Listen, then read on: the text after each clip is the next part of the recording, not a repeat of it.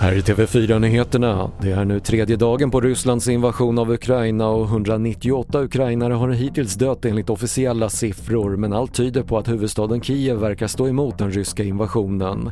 Överstelöjtnant Joakim Paskivi berättar om situationen just nu. Vad jag tror att man kan säga är att, att eh, den ryska framryckningen i östra Ukraina på två täter fortsätter eh, liksom på båda sidor av, eh, av, av Krimhalvön. Eh, det förefaller vara två täter som går ner från Belarus, en lite väster om den tät som går mot Kiev. Men allting verkar gå långsamt och framförallt så har man kört fast, tror jag, eh, det ser ut så, kring Kiev.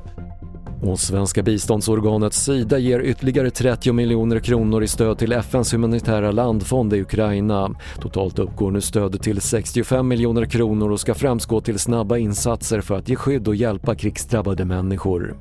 Och du kan följa vår löpande rapportering om kriget i Ukraina på tv4.se. Jag heter Patrik Lindström.